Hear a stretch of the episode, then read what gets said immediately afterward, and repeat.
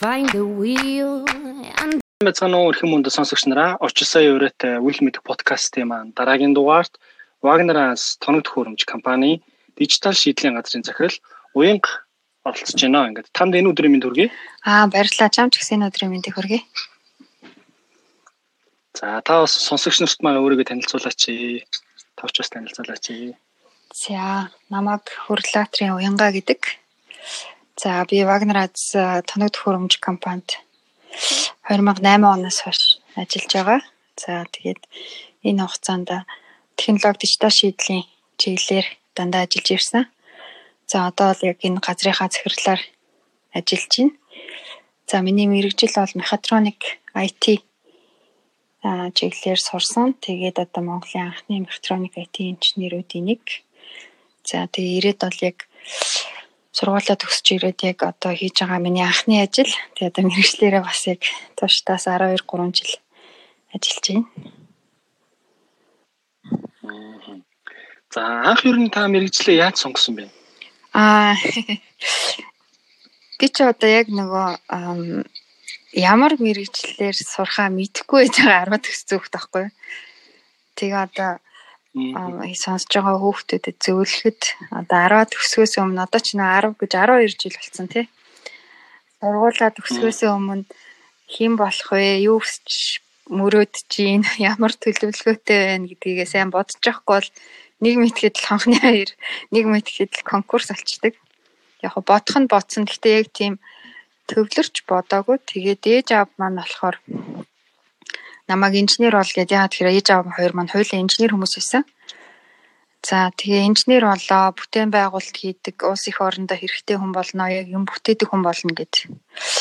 А миний хувьд гэх юм бол нөгөө нэгдүгээр ангиас 10 төслөө нөгөө онц сурсан бүх хичээлдээ онц сурдаг болохоор аль нэг хичээлдээ илүү одоо гоцгоод юм байхгүй. Одоо алинд нь муу, алинд нь сайн гэсэн юм байхгүй. Тэгээд одоо аав ээжийнхээ үгээр инженер болсон. Тэгээд үед бол нэг анхны шинэ анги мехатроник гэсэн ийм шинэ механик электроник автоматжуулалтын ийм шинэ инженер гэхээр сонирхолтой юм санагдаад орсон. Уул нь бол би бас нөгөө найз хүүхдүүдээ дуурайгаад октод чи хөвчлэн нөгөө харилцаа эдийн засгаар их сурдаг байсан. Миний үед октодод одоо их тохиромжтой мэрэгжил гэх. Тэгээ би эдийн болны санхүүгээр сурах уу эсвэл одоо харилцаа хил усны мэрэгжилтэй болох уу гэхээр ээж аав маань энэ бол мэрэгжил бишээ. Инженер хүн одоо хил устай байна. Инженер хүн тоо бодно. Эдийн засаг үзнэ.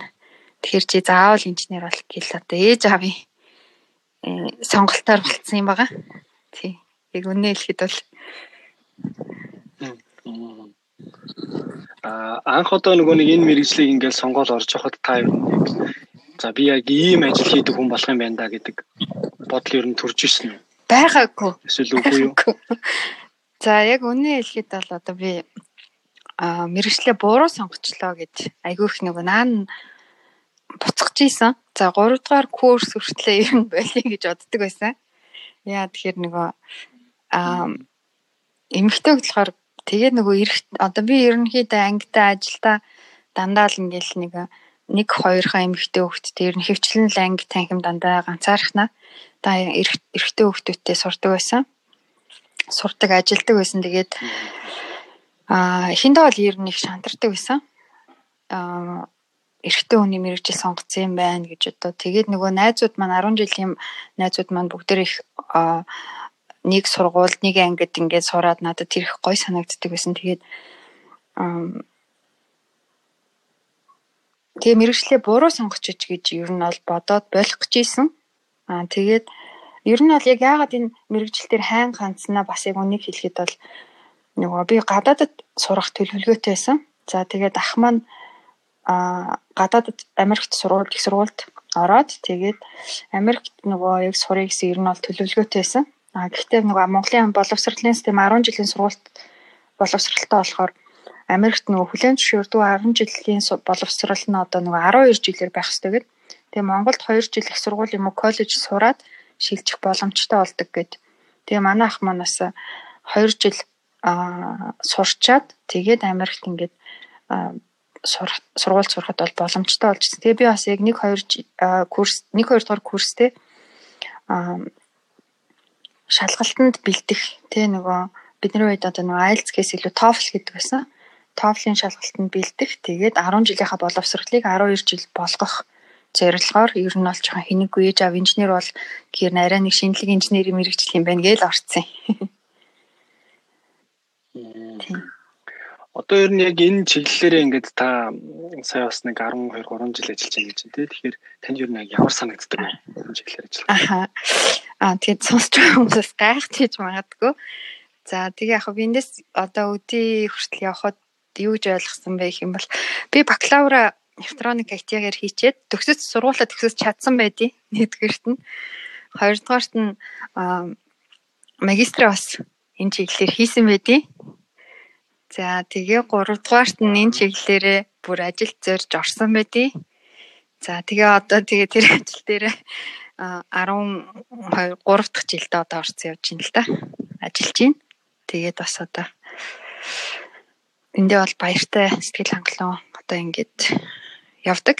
За энэ миний яг хоо жишээнээс би бас залуучуудыг юу олж аваасаа гэж бодож ийн гэхээр юу олж мэдээсэ гэж бодож ийн гэхээр нөгөө тууштай байдал айгүй чухал юм лээ. Тэгээ хэр нь бол бид нэр 10 жил тах чинь нөгөө найз нөхдөйг дагаал тэг хөөрчгүүгээл явж байгаа л нэг мэтгэд л 10 төгсчдөг. Нэг мэтгэд л их сургууль тэгэл нэг орчдөг. Тэгээд нэг мэтгэд их сургуулаа төгсөөл ажилд орох болчтой юм байлээ. Тэгэхээр урсгалаар яваад ивэл бас ингээд явчтай юм лээ.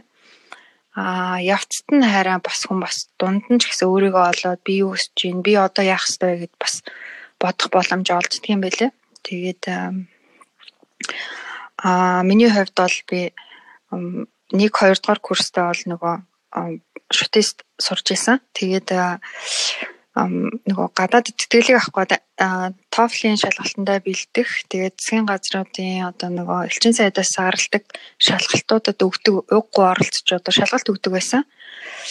За тэгээд би ерөнхийдөө хит хитэн улсын бол бас тэтгэлэг авах тэнцсэн л дээ. Одоо элчингийн ярилцлаганд 3 дугаар шатндаа хүртэл орж исэн.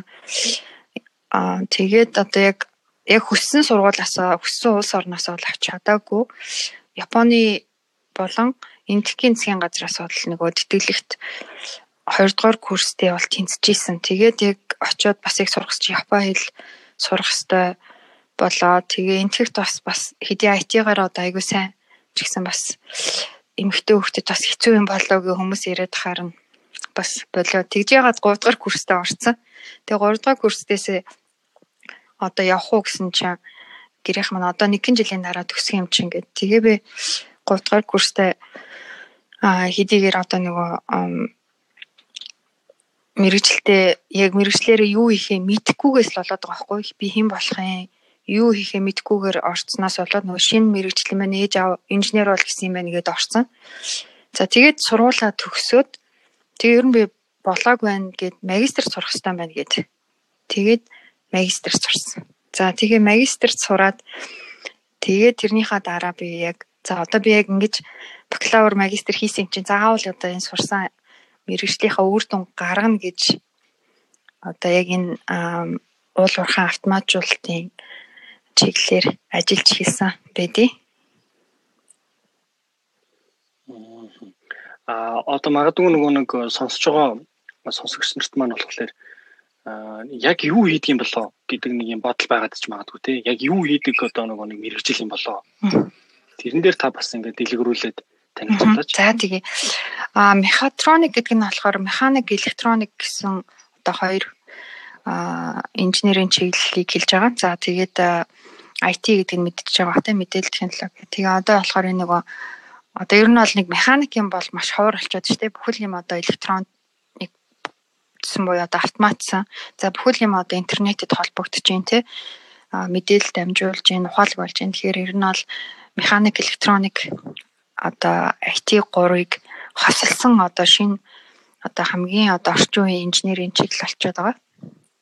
За энэ чиглэлээр бол одоо анх сурсан тэгээ өөрөө ийм сайхан мэрэгчлэр сурч байгаа мэдээгүй зүгээр л нэг юм шинэ мэрэгжил юм байна гэж бодоод сурцсан. Тэгээд нөгөө шутист яагаад орсон гэх юм бол нөгөө шутис одоо тухайн үед бол одоо анхны кредит систем нэвтрүүлсэн сургууль байсан.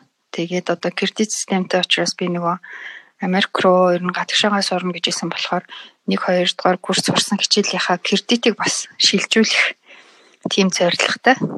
Бас нөгөө олон улсын нөгөө итгэмжлэгдсэн одоо сургуулиудын нэг байсан одоо тухайн үед каталогоос харж байхдаа ангаах Moise Schutz гурвал одоо гадаад долоо ус хүлэн зөвшөөрөгддөг гэж одоо каталог дээрээс харагддаг байсан. Тэгээ одоо бол бас өөрчлөгдсөн баг.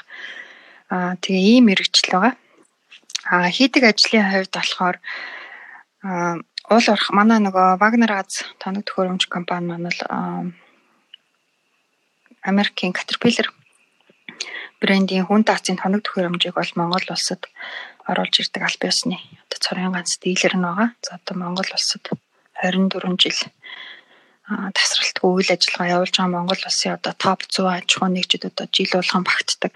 За топ 100-ийнхаа топ одоо 10 10 хэд дээр бол байнга байдаг. Одоо Монгол улсын татварыг бүртгүүлдэг эдийн засгийг нуруунд дээр авч явдаг томоохон компаниудын нэг За ингээ уул уурхаан тоног төхөөрөмжийг яг бид нар уул уурхаа барилга зам гээд одоо бүхэл хүнд аж үйлдвэрийн салбарт одоо том машин техникийг бол нийлүүлдэг. За энэ том машин техникийг автоматжуулах тэгээ орчин үеийн шийдлийг нэвтрүүлдэг одоо ажлыг нь одоо хариуцсан ажиллаж байгаа гэж хэлж болно. дижитал шийдлийн газар гэхээр надад айгу сонирхолтой санагдаж байгаа байхгүй. Би нэг юу яжсэн. Голомтын нөгөө нэг нэг кейс айгу хэрэгддэг штэ нөгөө дижитал банк. Кейс одоо жишээлбэл нөгөө дижитал банк гэж юу вэ гэдгээ нөгөө яг ажилчид нь өөрсдөө нөгөө мдээгүй байсан. Одоо тэр яг дижитал банкыг нэвтрүүлэх тэр нөгөө нэг хилцэн өөрсдөө мэдэхгүйгээр дижитал нөгөө нэг шийдэл рүү хамт хүрцгэн энэ төр гэд явж исэн гэ. Тэгээд яагаад тэр фейлдсэн бэ гэдгсэн чинь нөгөө өөрсдөө захин банк хэрэглэхийг уриалсан хэрнээ өөрсдөө банкн дээр ирж үйлчлүүлдэг байсан гол асуудал орж ийн гэж байгаа байхгүй. Мань нөгөө нэг одоо голомтын нөхдүүд өөрсдөө дижитал болохыг уриалчаад тэнгуүтээ өөрсдөө болохоор тэрийг тэр системээ тэр нөгөө аппликейшн огт ашиглаагүй гэж байгаа байхгүй. Голомтын одоо тэр нөгөө ажилчид нь. Тэгэхээр энэ бол ерөөсөө дижитал шийдлээ бүр багаараа бүр ингээд тэр чигтээ ойлгоогүй байсан нөгөө гол том илрэл. Тэгээ энэ энэ бол ерөөсөө нөгөө нэг фейлдсэн гол шалтгаан Тэгэхээр энийг нөгөө нэг яг бүгд хэрэгэлдэг, бүгд ойлгодог болж иж дижитал шийдэл э, шийдэлт гэдэг юм руу орох юм байна. Дижитал банк гэдэг рүү орох юм байна. Уулан бол ингээд бусад банкнуудаас хамгийн түрүүнд гаргаж ирсэн авч одоо нөгөө нэг яг хэрэгжүүлэлтийн хувьд бол ингээд нөгөө бусад банкнаас арай сүлдэж хоцорч шахуу нөгөө нэг ороод ирсэн шүү дээ. Гэтэ яг нөгөө нэг зарим талаараа тэрийг нөгөө нэг алт кейс э, кейс тэр нөгөө сургамжаасаа филдэлтээс юм нэг айгүй олон зүйлийг ухаарад тэгээд маш олон шинжилтүүдийг нөгөө нэг одоо хийгээ явж байгаа нь бас айгүй бахархмаар санагддаг байхгүй. Тэгэхээр нөгөө нэг дижитал шийдлийн газар ихлээр яг юу хийдгийм болоо гэдэг нөгөө нэг тэнгуул шууд технологи инновац одоо яавал нөгөө нэг үр бүтээмжтэй байх уу яавал ямар тоног хөрөмжийг ашиглавал одоо нөгөө нэг цагт хийдийг одоо нөгөө нэг аа үйлдвэрлэх байсан хэмжээг ихсэх хүүч гэдэг юм уу тэр тал руугаа илүү шилжиж гин үү? Яаж гин? Аа. Гэсэн үг. Аха. За тийм. Аа ер нь одоо нөгөө мэдээлэл технологийн дижитал дижиталчлал гэдээ яриад байгаа. Энэ одоо юу гэсэн үг гэхээр одоо ерөнхийдөө нөгөө нөгөө манахны нэг юм уу гэдэг чинь нөгөө хаалыг артуулж хоёрыг уучруулна гэж нэг Mobicom-ийн нэг слоган гэдэг лөө. Тэр л одоо яг утгаараа одоо ингээд алсын одоо орон зайн одоо бэрхшээлийг даваад тий алсын занаас ажиллаа явуулах за алсын занаас ажиллаа хэлбэр явуулах тий мэдээлэл технологиг ашиглаад тий за энийг л ерөнхийдөө одоо чиний сая хэлж байгаагаар бол тий заавал банкн дээр очихгүй тий өдөр шөн банкны ажихуйн ажлын цагаар зөвхөн банкн дээр очихгүйгээр гэрээсээ өдөр шөнө байна гадаад тэнүүтэй интернет ашиглаад одоо өөртөөгөө ухаалаг төхөөрөмжөөр интернет холбогдоод банкны үйлчилгээг авч одоо чадчихвэл одоо тэр ялтчгүй дижитал шилжилт одоо хийгдсэн байна гэсэн үг тийм. Энийг л хэлээд байгаа. Тэгэхээр уул уурхаа дээр ч гэсэн яг адилхан уул уурхаа гэдэг чинь одоо хотод байхгүй тий хөдөө орон нутаг тий аслагдсан газар тий зарим уул уурхаа л одоо замаар явахаас илүү цаг хугацаа амнхийн тулд нисдэг, нислэгээр явдаг чинь ойлгох болов ч юм уу тий. Тэгэхээр аа яаж одоо уул уурхай одоо энэ барилга замын ажлыг алцаас удирдан зохион байгуулах уу? Одоо бүх одоо уурхай ажилчид бол одоо хөдөө авах боломжгүй. Дайлуулах цөөхөн одоо ажилчдыг одоо яг ажлын байран дээр байлгаад ихэнх ажилчдыг аль болох одоо тав тухтай одоо энэ нийслэл хотоос одоо ажилуулдаг. Тэгэхээр яаж одоо энэ хотын ажлыг хөдөө байгаа уул уурхай ажилтай уялдуулж удирд нь авч явах уу? Яаж одоо уул уурхайг аюулгүй нэгдүгээрт нь аюулгүй ажиллах уу? За хоёрдугаарт нь ашигтай ажиллах уу гэх юм бол энэ дээр төрөл бүрийн технологийн шийдлүүд байна л да. За ерөнхийдөө зорилго нь л тийм. Одоо алсын зайнаас ажиллаа одоо аюулгүй хурдан шуурхай явуулах боломжийг л одоо хэлээд байгаа. Яг нөгөө мобайл банкны үйлчилгээтэй адилхан манад одоо жишээ нь мобайл аппликейшнууд гэж юм те одоо тэр хэдэн зуун тонны машины яаж ажиллаж оператор нь хурдтай явж гин үү түш ямар байна машин дээр ямар нэгэн эвдрэл гэмтэл гарч ийн үү гэдгийг одоо хүссэн цагтаа хүссэн газраас шалгах боломжтой хотод байна уу гадаадд байна уу шөнө байна уу орой байна уу хүссэн цагтаа одоо маш уурхай ажлын тайлан явцдаа танилцаад уурхайгаа одоо удирдан зохион байгуулах боломжийг одоо манай компани бол харилцагчдаар олгодог ийм шийдэл байгаа. Технологи дижитал шийдэл гэдэг маань. За тэгвэл одоо таны сонгосон одоо нэг мэрэгжил яг ийм ийм ийм ийм ур чадруудыг яг шаарддаг юм а гэдэг үл яг та онцолж яг гурван одоо нэг ур чадрыг нэрлэнэ үү гэвэл та яг ямар ур чадруудыг нэрлэх вэ? За яг одоо миний мэрэгжил одоо мехатроник IT-гаар сурч байгаа хүмүүст бол одоо ер нь бол одоо инженерийн чиглэлийн нэг суурь нөгөө математик физик суурьтай байдаг шүү дээ тий. Аа тэгэхээр ерөнхийдөө бол нөгөө инженер сэтгэлгээл одоо нөгөө баруун тархины хөгжил логик сэтгэлгээ сайтай байдаг гэдэг шиг. Хэрвээ одоо 10 жилийн хүүхдүүд одоо инженерээр сурах гэж байгаа бол одоо мат физик хичээлдээ сайн байх хэрэгтэй байх. А тэрэн дээр бас одоо анхаарах хэрэгтэй байх. За хоёрдугаар нь юм бол энэ а миний одоо мэрэгжил бол байнга өөрчлөгдөж идэг мэрэгжил байгаа. Одоо нэгсэндээ байнга хөгжиж идэг. Одоо яг энэ нөгөө технологи гэдэг юм чи одоо ерөөсөө маш хурдцтай хамгийн их өөрчлөгдөж байгаа зүйл өчигдөр гарсан одоо үйлдэл систем өнөөдөр хоцрогдчих болно нэг баг гараад одоо нэг системийн алдаа гараад тэрийг засах шаардлагатай болоод өөрчлөгдөж болно. Тэгэхээр ер нь бол маш хурдцтай өөрчлөгдөх учраас энд одоо тасан цогцоод байнга одоо нөгөө шинэ програм, шинэ технологиг сурч хөгждөг, мэддэг тийм ур чадвартай байх хэрэгтэй. За энэний тулд бас нөгөө монгол хэл дээр одоо бас бид нар бас яг энэ технологиор тэргүүлж байгаа байр суурьтай улс орн биш болохоор бас монгол хэл дээр одоо энэ мэдээллийг авахд хэцүү байх тэгэхээр англи хэллээ бас хөгжүүлэх английн харилцааны ур чадвар ашиглаад мэдээлэл олж цаг хугацаанд дор өрөн өөрийнхөө мэдлэг мэдээлэл шинжилж явах шаардлагатай. Тэгээ ерөнхийдөө онч одоо нэг өөрчлөлтийн менежмент, change management байнга явагдах учраас энэ сэтгэл зүйн бэлтгэлтэй энд бас дуртай өөрөө бас байх хэрэгтэй байх гэж бодож байна. За тэгвэл одоо мэрэгчлэрийн ингээ нэг ажиллаж явах үед танд тулгардаг байсан түгээмэл энгийн алдаа байвал одоо та ямар алдааг хуваалцах вэ? Тэгээд энэ алдаанаас юу сурсан бэ? Өө би энийг яагаад ингээ хийчихвэ гэдэг ингээ нэг юм давтагддаг түгээмэл нэг энгийн алдаа байдаг шүү дээ. Тэгвэл одоо таны хувьд яг тэр тулгарч исэн ингийн алдаа юу байсан бэ? Тэндээс юу суралцсан бэ? За яг одоо яг яг энэ мэрэгт мехатроникийн IT инженер хүнд одоо тулгардаг асуудал алдаа гэхээс илүү ер нь одоо яг юм инженерийн чиглэлээр тий одоо технологийн чиглэлээр ажиллаж байгаа хүмүүст ер нь түгээмэл тулгарах юм бол за өөртөө ихтэй байдал айгүй чухал гэдэг. Зөв нь Монгол залуучуудын хувьд түгээмэл ах өөртөө ихтэй байдал чухал.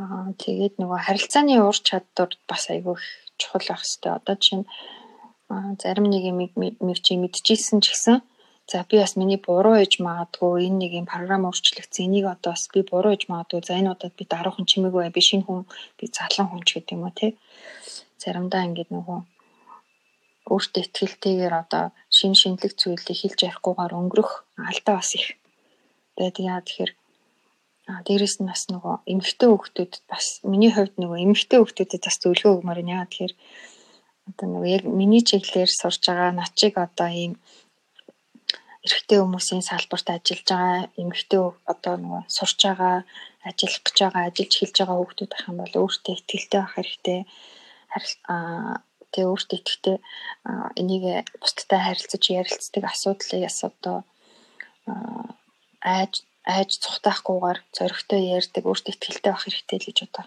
зөвлөд. Ер нь Монгол хүндний нэг үндсэн чинь нэг даруй төлөв байх те мэдлэгтэй хүн даруй төлөв их мөрөн тогтоо энэ төр гэдэг хүмүүс ер нь нэг тийм дуугаа ахыг илүүд үзээд байдаг. Тэгэхээр бид нэр аягүй их тухай ийм их хурдан өөрчлөгдөж байгаа технологи дуугаа даруухан байхасаа илүү илүү хурдан сайн ярилцаж баг хамт олноор ажилдаг нээлттэй тийм байх хэрэгтэй гэж одоо тийм ур чадвартай байх хэрэгтэй гэж одоо бодож байна. Аа даруй төлөв аа өөртөө ихтгэлгүй байх юм бол энэ бас нэлээх хойшоо татах ажлыг чинь одоо хойш нь карьерийг чинь хойш нь татах болов гэж хэлье да. Манад нэг тийм ойлголт явааддаг шүү дээ. Нэг юу нэг сургаал үгээд шүү дээ. Аа сургамж өгөлөө зүрт зүг гэх юм одоо нөгөө эрдэмтэй хүн дараа их мөрөнд дүлгөөн гэдэг тийм. Тэгээд бас нөгөө зарим тохиолдолд хитрхи их нөгөө дуугу бас нөгөө байгаад ич болохгүй гэсэн санааг бас хэлж байна. Айгу чухал санааг онцолж шүү залуучуудаа. За тэгвэл мэрэгчлэрээ нөгөө нэг ажиллаж явах үеийн амжилттай хэрэгжүүлсэн сайн туршлага гэвэл та яг юу хуваалцах вэ? Оо одоо их байна да. Тэгээд за би ерөнхийдөө юу гэж боддог гэсэн бэ гэхээр за би нэгдүгээр залуу хүн За хоёрдугаарт нь эмэгтэй хөхөд тэгээд одоо ингээд гадны компанид ингээ уул уурхайн салбарт те одоо ингээд эрэгтэй хүмүүстэй ажиллахад одоо би нөгөө өөрөө илүү их өөртөө ихтэй илүү их дайчин байж одоо байдгаас илүү одоо зөрөгтэй дайчин өөртөө ихтэй байх хэрэгтэй байна гэдгийг бол сургамжийг аваад ер нь бол илүү дайчин өөртөө ихтэй ярьж эхэлсэн. А ингэснээр бол одоо илүү бас миний ажил урагшилж одоо нөгөө сүүлийн үеийн технологиудыг Монгол улсад нэвтрүүлэх ажил бас илүү илүү одоо хурдцтай явсан бах сүүлийн жил одоо тэгээд одоо дэлхий дээр одоо ингээд бүрэн автоматжуулсан тий жолоочгүй одоо тий 200 тонны машин 300 тонны машин ажиллаж байна. Гэтэл Монголд бол одоо бас нэг хоцроод ингээд бүр хоцорч байгаагүй бид нар одоо 2012 оноос эхлээд хагас автоматжуулсан буюу одоо операторын ажлыг хөнгөвчилсөн технологийн шийдлийг Монголд нэвтрүүлээд одоо бас 8 жил болсон байна. За бас нэлээд олон системийг амжилттай нэвтрүүлсэн байна. За эндээс харахад бол Монгол хүн одоо уул уурхайг одоо сүүлийн технологиор нэгдүгээрт аюулгүй, хоёрдугаарт бас одоо өндөр бүтээмжтэй одоо ашигтай ажиллуулж чаддсан байна гэдгийг бол харуулж байгаа гэж бодож байна. За бас энийг бас эмэгтэй хүн бас удирдан зохион байгуулад нэвтрүүлээд санаачлаад ингээд энийг ингээ ханаас нь түлхээд ингээд ажиллаж болт юм байна гэдгийг харуулж байгаа гэж бодож байна. Ерөнхийдөө бас энэ уул уурхай барилга зам дээр бол нэлээ олон одоо машин техникийг автоматжуулаад тэгээд одоо маш олон зуун километр замыг одоо сүүлийн технологиор барьсан байгаа Монгол улсад одоо замын чанар нэлээд асуудалтай байдаг тий чанаргүй барьсан замууд мөн одоо юу бүрэн одоо нөгөө асфальтаар хучиж амжаагүй одоо шорон замууд маш их байдаг. Тэгээд энийг одоо нэгдүгээрт нь бүх одоо аймагуудыг асфальтан одоо замаар холбоод тэгээд тэрийг бас чанартай барих одоо шинэ нисэх онгоцны буудлын ажил байна. А оюутлогын хан бомбтын нисэх онгоцны ажил байна. За одоо энэ сүүлийн 2012 оноос хойш баригдаж байгаа томоохон одоо замын төслүүд байна. Энэ одоо эднэр дээр бол одоо манай яг машин автоматжуулалтын шийдлийг одоо ашиглаж маш одоо чанартай замыг маш богино хугацаанд тэгээ бас нөгөө аюул осолгүйгээр барьж чадсан одоо маш л олон бүтээн байгуулалт байна. Давус их орондоо нэлээ их технологийн шинжилгээг одоо энэ хүнд аж үйлдвэрийн салбарт авчирч байгаа гэж боддог. Маш сайхан туршлага байна. Аа за тэгвэл одоо дараагийн асуулт болох нэг юм карьер гэдэг нь жишээлбэл нэг юм нэг юм түгээмэл ойлголт байдаг тийм. Аа одоо бага албан тушаалаас өндөр албан тушаалд очих гэдэг юм. Эсвэл бага цалинтай ажлаас өндөр цалинтай ажилд орох. Эсвэл дотоодын компаниас олон улсын компанид ажиллах. Эсвэл бүр үндэстэн дамж буюу улс орон дамж ажиллахыг жишээлбэл карьер ингээд нөгөө нэг дэвшлүүлж ингэж үздэг тийм. Тэгвэл одоо таны хувьд ер нь карьерийг юу гэж ойлгодог вэ? Талаараа суулцаач. За, ер нь яг хоо би ер нь ажил мэргэжил одоо карьераа сонгохдоо ер нь бол хүн өөрөө юу гэж боддог вэ гэдэг нь хамгийн чухал ах. Сүүлийн үед чи одоо нөгөө гэртээ хүүхдээ харж байгаа эзэгтэй нэр хүртэл те энэ эн чинь бас бас карьер гэж яриад байгаа шүү дээ. Зөвхөн одоо гадаадд юм уу амжилттай зөвхөн одоо даргын тий захирлын ажлын одоо байран дээр очих юм бол энэ бол амжилт. Ер нь одоо юмыг нэг тийм хайрцагч юм болгоныг нэг юм хэвсэн ойлголтод оруулахаас их зайлс хийдэг болцсон юм болов уу гэж хараад байгаа. Тэгээ ер нь одоо хүн өөрөө хийж байгаа юмдаа л одоо амжилттай байвал одоо тэр нь одоо тэрэндээ өөрөө гол сэтгэл хангалуун байвал одоо тэр одоо бас хувь хүний өөрийнх нь одоо хийж байгаа ажлынх нь карьерийн амжилт болчиход байгаа юм болов уу гэж би боддتي. Аа за яг миний хувьд одоо энэ карьерийн зөвлөгөө өгөхөд миний одоо түрүү ярьж байхдаа би нэг тийм айгүй мундаг төлөвлөөд амжилттай явцсан хүн эхнээсээ бол айгүй тийм дардан замаар явчих юм шүү дээ. Өөрийн сонголтоор яваагүй. Тэгэхээр энэ миний алдааг бас одоо хүүхэд залуучууд сонсоод бас хүмүүс ингэж явж болтын байна гэдгийг бас ойлгоосай тусгаж аваасай гэж бодсон. Тэгээд яг хуу а одоо нэг хүний нэг амьдралын нөгөө үн цэс гэж нэг юм байх хэрэгтэй гэж би боддог. Одоо энийг ер нь бол үн цэсийг айгүйх ярьдаг болсон тий. Тэгээд тэр үн цэсийнх нь одоо дараалт нь юу байгаа юм тий энэ үн цэс бол одоо байнга өөрчлөгдөж идэг. За байнга гэдэг миний бодлоор нь 2-3 жилийн зайтай ч юм өөрчлөгддөг юм шиг байгаа. Одоо жишээ нь дөнгөж сургууль төгсөж байгаа оюутан хүүхдийн хувьд за ямар компанид орох уу, юу хийх үү, ямар ажлын байран дээр анкет өгөх үү гэд бодож байгаа хүний хувьд бол одоо солон мөнгө чухал ээж болно. Эсвэл одоо гэр бүлтэйгээ ойрхон ажил сонгох гэр бүл нь чухал байна уу? Эсвэл аялж сурах нь чухал байна уу? Чиний төрөө хэлдгээр гадаадын том компанид ажиллаад юм сурах, эсвэл гадаадд аялах, тий? Гадаадд амьдрах нь чухал байна уу? Эсвэл эрүүл мэнд гоо сайхандаа цаг зав зарцуулах ажил чухал байна уу? Тий? Амар хөнгө ажил чухал байна уу? Эсвэл өөрийгөө сорих ажил чухал байна уу гэдэг тэр хүний одоо өөрийн л одоо тухайн одоо сонголт хийх үеийн үн цэвсийн одоо тэр чиг баримжаанаас хамаарч одоо карьер бас өөр өөр бах л та гэж би бодож байна. За ер нь та нэг нэг карьер төрөний хэр ярьснаар бол нэг нэг төлөвлөгөөгүйгээр л явцсан шүү дээ. Тэгэхээр одоо одоогийн хувьд бол одоо жишээлбэл та ер нь карьераа за ийм байхаар ер нь төлөвлөх хэрэгтэй юм байна гэсэн зүйл рүү ер нь явж байгаа юу эсвэл ер нь за ямар ч юм л ингээ нөгөө нэг өөрийнхөө үнэт зүйлдээ нөгөө хөтлөгдөөд аливаа зүйлийг нөгөө чин сэтгэлээс сайн хийх нь чухал юм байна гэдээ явж байна? Оо яг чиний над хэлдэг чинь тий.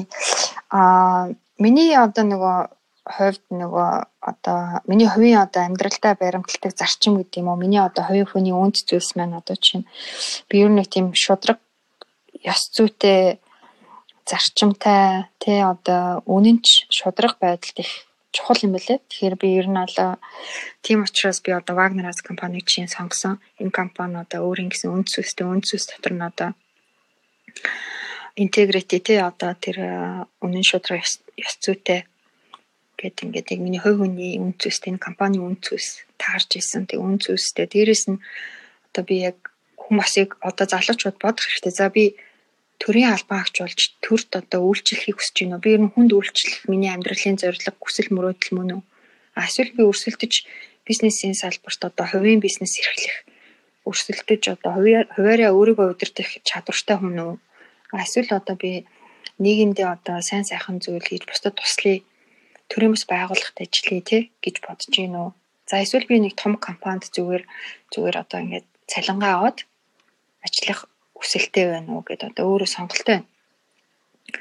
Аа тэгээд тэр сонголтоо хийснийхаа дараанаас бодох хэрэгтэй ахал та надад одоо энэ яг сонгосон одоо чинь төрийн албаа ч юм эсвэл бизнесийн салбар маань тэрний дараагийн сонголтоо хийн. Одоо гэртэйгээ ойрхон байх хэрэгтэй юу? Ажлын одоо цаг нь надад тохирдог байх хэрэгтэй. Эсвэл ажилласаа байр машинаа шийдчихдэг байх хэрэгтэй. Эсвэл цалин мөнгө нь хамгийн чухал уу? Эсвэл гадагшаа татагшаа сургалтанд семинарт хамруулдаг нь чухал, сургалт хөгжлөн чухал байна уу? Эсвэл одоо том компани, том офис олон зуун сайхан залуучууд, үеийнгийн залуучуудтай буужганд ажиллах сайхан байна уу? Аа за гих мэдчлэн ажил одоо карьерийн сонголт бол одоо маш их байдаг. Энийгээ бодоо бодож яг би юу хүсэж байна? Аль нь одоо надад чухал байна? Алинд нь би тохирох вэ гэдгийг өөрөө эхлээд өөрийнхөө юу хүсэж байгааг таньж мэдэх хэрэгтэй байдаг.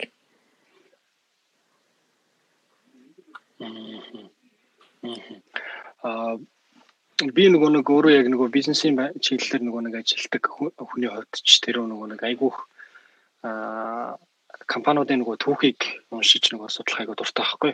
Тэгээд тэн дээр ингээд харахаар амжилттай ерөнхийдөө ингээд айгүй сайн явж байгаа ингээд нөгөө компаниудын үнэт зүйл нь жишээлбэл нөгөө тухайн ажилчдынх нь яг үнэт зүйлтэй нийцж идэг гэдэг зүйл айгүйх амжилттай байхад нөлөөлт юм байна гэж харсан байхгүй юу.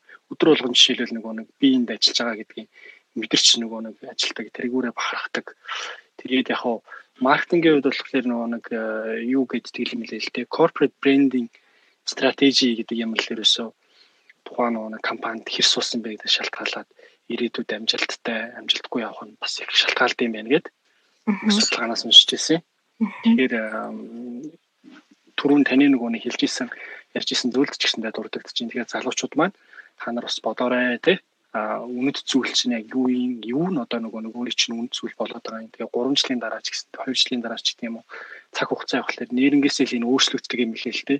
Тэгэхээр ингээ нөгөө нэг шинжлээд яг миний зүйл одоо яг юу юм одоо яг юу юм гэдгийг ядаж нэг 2 жилдээ 3 жилдээ нэг удаа хэрэгцүүлээд за би нэг ийм зүйлтэй юм байна. Тэгэхээр энэ зүйлтэй миний яг ажиллаж байгаа чиглэл таарч байгаагүй юу те бодож бодоо бодооштой юм байна шүү. Тэгээд аа магадгүй одоо сонирхолтой байх та нөгөө нэг 12 3 жил ажиллалаа гэж те. Тэгэхээр анх одоо яг ажлын гараагаа яг ямар ажиллаас эхэлж ирсэн бэ?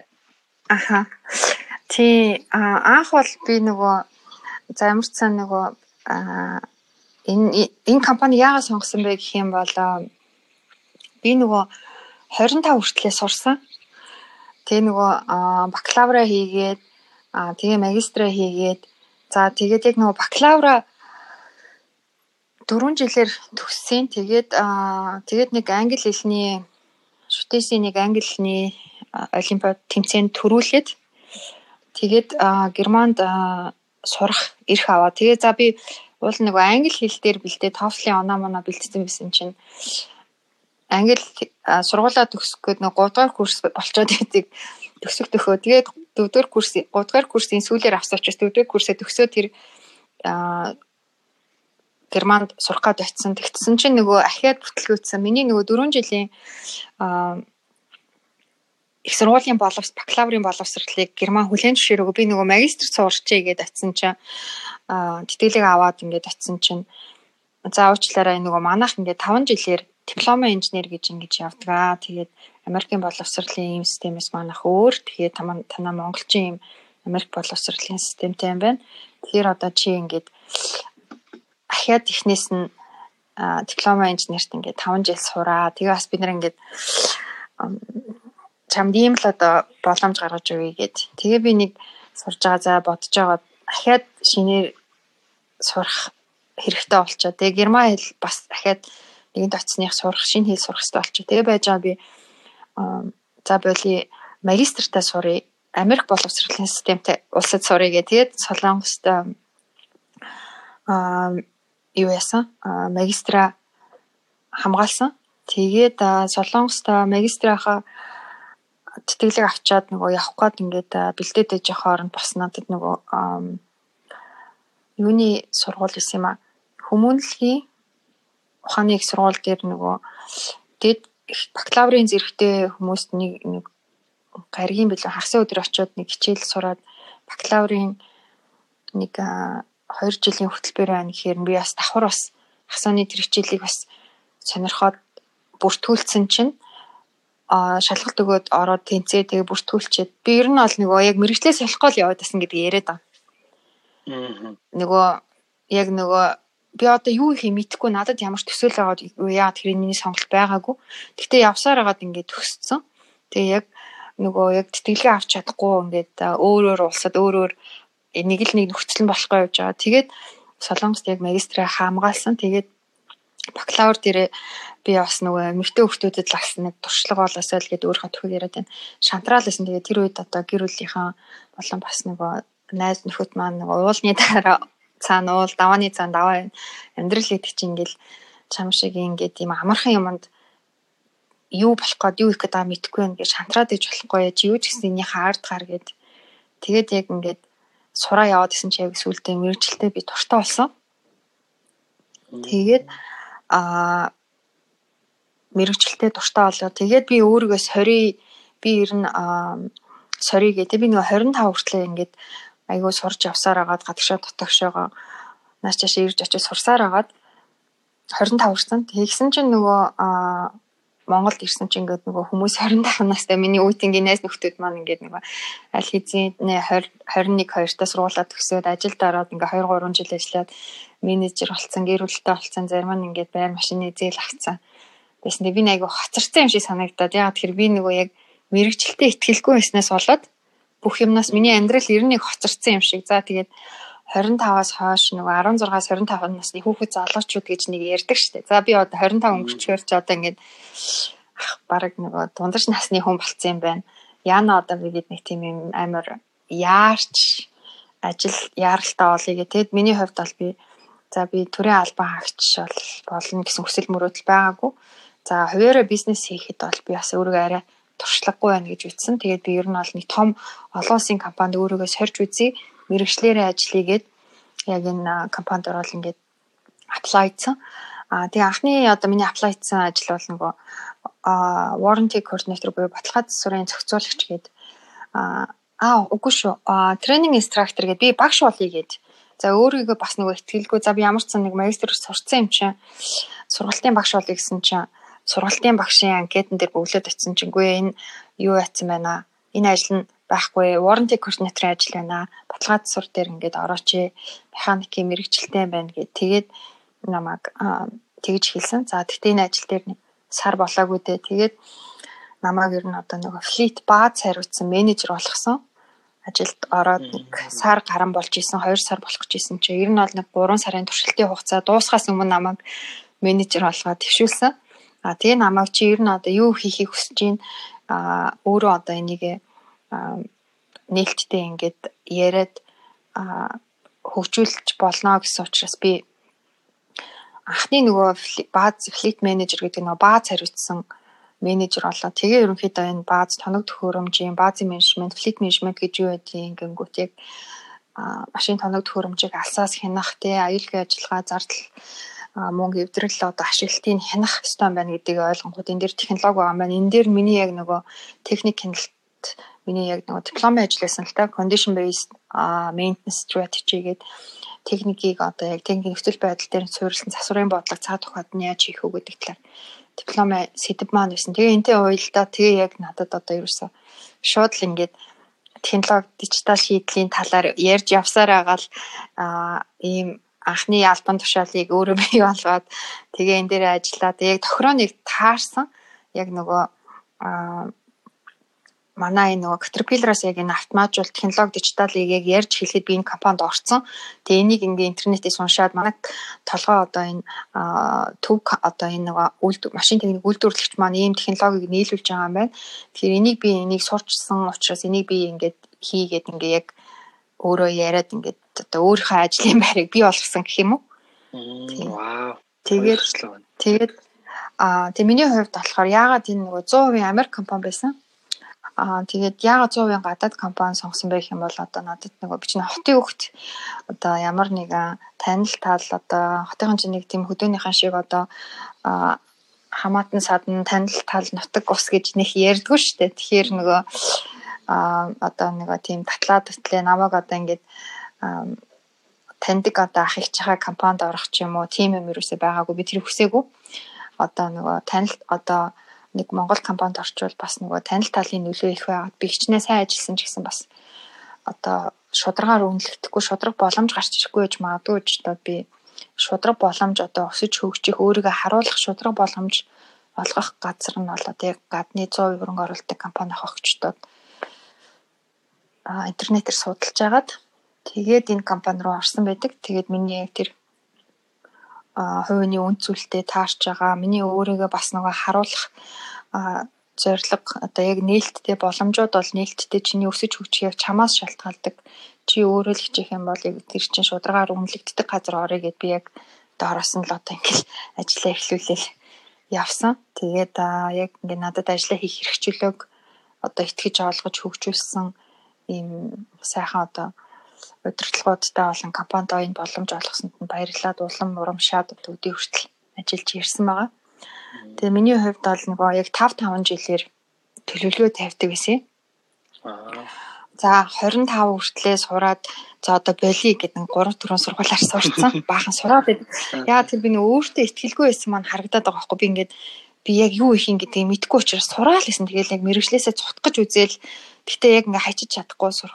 Тэгсээр байгаа л яг бакалавра бүр магистр болтол нь сураад тэгээд би за одоо 25 болсон болоо. Би надад бас нөгөө хэрвээ би ингэ өссөн бол гадаадд байгаа л одоо тэтгэлэг авч байгаа учраас тэтгэлгээр сурж байгаа учраас тэтгэлгийн цалингаа аваад одоо ингээд гадаадд байгаад иж болох байсан л да. Тэгтээ би бол гадааддаа үлдээд ч юм уу тэтгэлэг ингээ олон жил сурах нь биш. Хурдан 25 орчингод би яг ажилд орохгүй бол бусад найзаасаа найзуудаасаа хоцрох гээд байгаа юм санагдаад Гялс яарч тэгэл Монголд ирээл яг ажиллаад тэгээд за би 30 өрхөөс өмнө хэрвээ би одоо ямар нэгэн захирал одоо юнит ингээ өөрөө хариуцаж ингэж ажиллаж чадахгүй бол би яг үнэхээр за би биш юм байна. Би өөрөө ихтерхийх өөртөө ихтгэлтэй байсан байна гэж бодно гэж бодвол яг ажилд ороод одоо яг амар тултал нь ажилласан. Тэгээд нэг 4 жил болоод ерөнхийдөө захирлын албан тушаал дээр орсон. Ажилд ороод 3 сар болоогүй туршилтын хугацаа дуусгаас өмнө менежер болж твшсэн. Тэгээ ер нь бол тэрэндээ урам зориг аваад за би ингээд гээд 5 5 жилээр ер нь бол карьерийн төлөвлөгөө тавьж яваа. Тэгээ тэр нь бас хүн нөгөө зориг төлөвлөгөөтэй бол яг бэлтгэл юм байлээ. Аа тэгээ одоо бол ерөнхийдөө бол 5 жил гэхээс илүү 2-оос 3 жилийн төлөвлөгөөтэй. За одоо надад миний миний хувьд юу чухал байна те гэр бүл чухал байна уу эрүүл мэнд чухал байна уу гоо сайхан чухал байна уу гэд ингээд найз нөхөд чухал байна уу гэд ингээд нөгөө үн цэлсийнхаа баримжааг арай ойрхон гаргаад тэрнийхээ дагуу одоо ажил амьдрал карьераа төлөвлөж авах хэрэгтэй байна гэж бодож тэгж одоо байгаа. Вау, танаар бүр амар бахархаж байна. Зогсолтгүй өөрийгөө бүр амар шоу ап хийсэн биз дээ. Тэгээд залуучуудтай хэлэхэд яг яг ийм байгаарай тий ингэж нөгөө нэг ингээд хүссэн зорсондоо хүрдэм байх шүү. Тэгээд яг нөгөө нэг надаа нэг юм асуулт гарч ирж байна л да энэ дээр юу гэхээр тодорхой хэмжээнд нөгөө нэг өөрийгөө үнэлүүлж нөгөө нэг өөрөө өөрийгөө би энийг чаднаа гэж нөгөө нэг харуулахын тулд бас нэг өөрийгөө яаж илэрхийлэх вэ гэдэг нэг юм арга барил те юм ур чадвар бас шаарддаг шүү дээ. Тэгэхээр магадгүй та нөгөө нэг за нэг иймэрхүү байдлаар өөрийгөө ингээд нөгөө нэг санааг ойлгуулвал чи ингээд яг өөрийнхөө нөгөө нэг үзэл бодлыг ингээ баталж чадсан шүү. Аа тэгээд твшгэд чи эн чинь бас ингээ нөлөөлдөг шүү. Тэрнээс ингээд хос манах нэг ингээд тэгштэй нэг гомдлоод намаа тэхгүй байх би өстой ажил амар сайн хийж байгаа чинь да намайг үнэлэхгүй байх тийм үү те. Намаа юу ч үнэлэхгүй байх гэл те. Дандаа нэг юм нэг аа юу гомдолт хийсэн маягаар л ярьдаг болохоос ш яг тэгээд яг яах гээд байгаа юм яг юунд хүрэх гээд байгаа юм юу хүсэж байгаа юм ингээд тэгэнгүүт ингээд юу ч хүсээгүй юм шиг те ингээд байгаад байна ш. Тэгэхээр трийг яаж амар зөв ингэж нөгөө илэрхийлээд гаргаж ирэх хэрэгтэй байдаг байна. Аха. Тийм ер нь бол одоо нөгөө яг тийм конфронт хийж сурах энэ бол ялчгүй бас нэг ур чадвар л та. Хийсэн ажлаа бусдад одоо нөгөө ойлгуулах тий бусдад хүргэх гэдэг чинь нэг ур чадвар байхгүй юу? Одоо ингээд За удирдлага удирдлагын одоо ажилтан одоо ингээд мэдгүй байна. Доороо 10, 15, 20, 100 хүн удирдах чинь тэр хүн болгоны ямар гүйцэтгэлтэй байгааг одоо яг тэр тухайн хүн шиг өөр шиг нь бол мэдэх боломжгүй. Ерөнхий төвшөнд ингээд нэг юм хянаад байж байгаа шүү дээ. Тэгэхээр за би ийм надад тэр ийм одоо ахиц төвчлөлт гарлаа. Миний ур чадвар ингэж өслөө.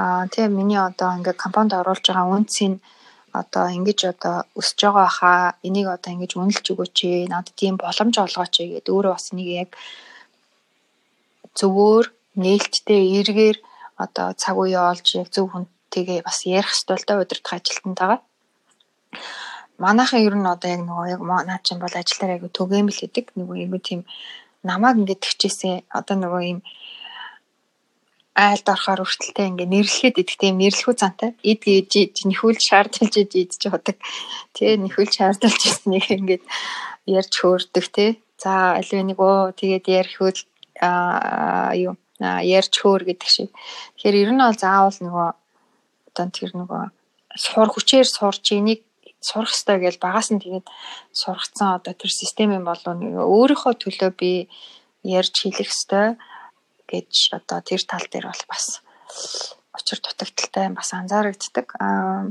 гэтээ бас энэ өөрчлөгдөж байгаа 80 оныхаа одоо ч одоо 80 оны хүн болохоор манай 80 оныхан ч бол ер нь нэг тиймэрхүү ичимхий даруй төлөв байдлыг одоо эрхмэлдэг тий ах ах цахтай одоо одоо өөрөөс нь мэдлэг туршлага ур чадвар нас одоо юу гэдгийг те албан тушаалаар илүү хүнийг одоо хүндэлдэг дугаа байдаг ингээд тийм байсан. Одоо ер нь 90 оны хүүхдүүд бол айгүй тийм эготой би би юм гэмээр байна би тэгмээр байна гэж их ярьдаг болсон байлээ.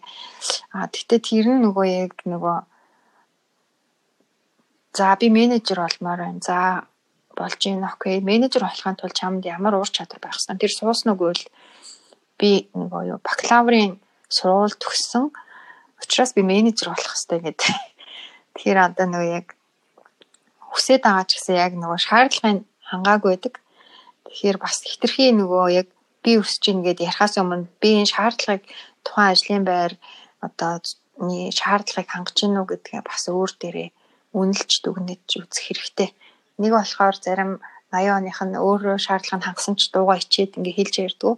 А сүүлийн хүүхдүүд болохоор ямар ч ажлын туршлагагүй компанид оруулсан одоо хувь нэмэр байхгүй гэж шууд би ингэн гэд ингээд бас айгаа өөртөө ихтгэлтэйгээр яваад байдаг. Гэтэ энэ дунд нь нөгөө балансыг олоод яг бас явах хэрэгтэй ах гэж би бодож байна. Тэгэхээр биш яг өөрийнхөө төлөө чи дуурах хэрэгтэй гэд бас ингээд нөгөө юу юм болгон дээр ийм demanding ингээ шаардаад би ингэстөө тэгстөө гэж болохгүй л те. А тэр одоо тушаал ахин гэдэг чинь зөвхөн одоо эрх нэмэгдэж байгаа ш өөрөг төдий чиний нэмэгдэж байгаа гэдгийг ерөөсө ухамсарлтгүй. За за би тушаал ахмаар байна. Би хийн чадна гэдэг харин өгчөнгөт тэр ажлыг хийж чаддгүй. Тэнгүүд яагаад чи энийг хийж чадсан гэхээр миний буруу биш. Энэ миний үгэнд ороогүй. Энэ энэний ажил гэсэн гэд хийж чаддгүй. Хариут нэгсэндээ нөгөө хүлээж авсан ажлаа биелүүлж одоо гүйцэтгэж чаддгүй. Өөргөө биелүүлж чаддгүй. Нэг тийм юм бас анзаарэгддэг шүү. Тэгэхээр хоёр талаас нь эрх үүрэг гэдэг юм чи хуйлаа яг тэнцүү зэрэг эрхэн нэгсвэл үүрэг нэгснээ, хариуцлага нэгснээ гэдэг ухаарахгүй бол хүмүүс зөвхөн эрх талаас нь эрх ям талаас нь хараад идэх шүү. Аа тий таны нөгөө нэг хэлсэнтэй санал нэгдэж байна л да. Яг тэгэхээр нөгөө миний хувьд ч гэсэндээ яг нөгөө нэг өөрөө бас яг компани өдөрч үзчихсэн тэгээ маш хүнд хэцүү гэдэг юм билээ. Маш их үүрэг хариуцлага. Яг харахад ингээд айгүй гоё альбом тушаал нэр нь гоё ингээ хүмүүстэй ингээд ярилцахад хүртэл ингээд жишээлбэл захирал гэдэг ингүүд жишээлбэл гоё байдаг тий. Гэтэл цаанаа маш олон одоо нөгөө нэг асуудал проблемуудыг шийдэж идэг, ирээдүйд яах вэ гэдгийг шийдэж идэг. Тэр ерөөсөө л нөгөө нэг нэг юм хүүхэд байлаа гэж бодоход тэр хүүхдийг ингээ нөгөө нэг өсөх үү эсвэл өсөхгүй юу гэдэг одоо тэр юмыг бүр ингээ шийдэж идэг. Тийм айгуу чухал нөгөө нэг бас байдгийн байлээ шүү. Үүрэг хариуцлага бол ингээд дагаж бас нэмэгдэж идэг гэдэгтээ бол санал нэг байна. Тэгэхээр хэрвээ нөгөө нэг та бүхэн ямар нэгэн байдлаар өөрийгөө хэрвээ илэрхийлэх хүсэж ивэл маш зөвөр илэрхийлээд би яг юуг яаж бусдаас өөр хийсэн юм бэ? Тэгээд юуг хийх одоо боломжтой юм бэ гэдгээ давхар бас ингээд яг үзэж харуулах зүйлтэйгээр үзүүлвэл магадгүй ингээ нөгөө дараагийн үүрэг хариуцлагыг өгөхөд энэ хүн бэлэн байна гэдээ өөрөө чинь төвшүүлэх магадлал бас өндөр байд юм шүү. Тэгэхээр хариуцлагаа сайн бодож албан тушаал ахих гэдгийг бас бодоорой гэж хэлмээр байна. За тэгээд а та залуучуудад маань хандаад бас нэг ийм нөгөө нэг юм хэлэхгүй нөгөө нэг хилээгүй өнгөрч үедээ өнгөрцөн байх үедээ гэд тийм зүйлээ бол бас ингээд зөвлөгөө бас өгөөч. Аха. Аха. За намайг энэ подкастт урьж оруулсан би бол айгүйх баяртай энэ хувьтай. Аа тэгээд одоо бас одоо нэг гэлтгүй залууч залуу хүнд одоо бас одоо карьер дээрээ өсөж хөгжөөд амьдрал дээрээ одоо нөгөө аз жаргалтай байхад нь туслал одоо миний хувьд одоо маш их баяртай авах болно. Аа тэгээд яа тэр би өөрөө энийг мэдэхгүй байсан болоод одоо нэг юм аа одоо ингэж бас ингэж нэлийн удаан сурч өөртөө ихтгэлгүй ингэж бас явсан үе байдаг учраас аа тийм байна. Тэгэхээр би одоо туртай одоо ингэж нэлийн сайхан хэлж өгье гэж бодож байна.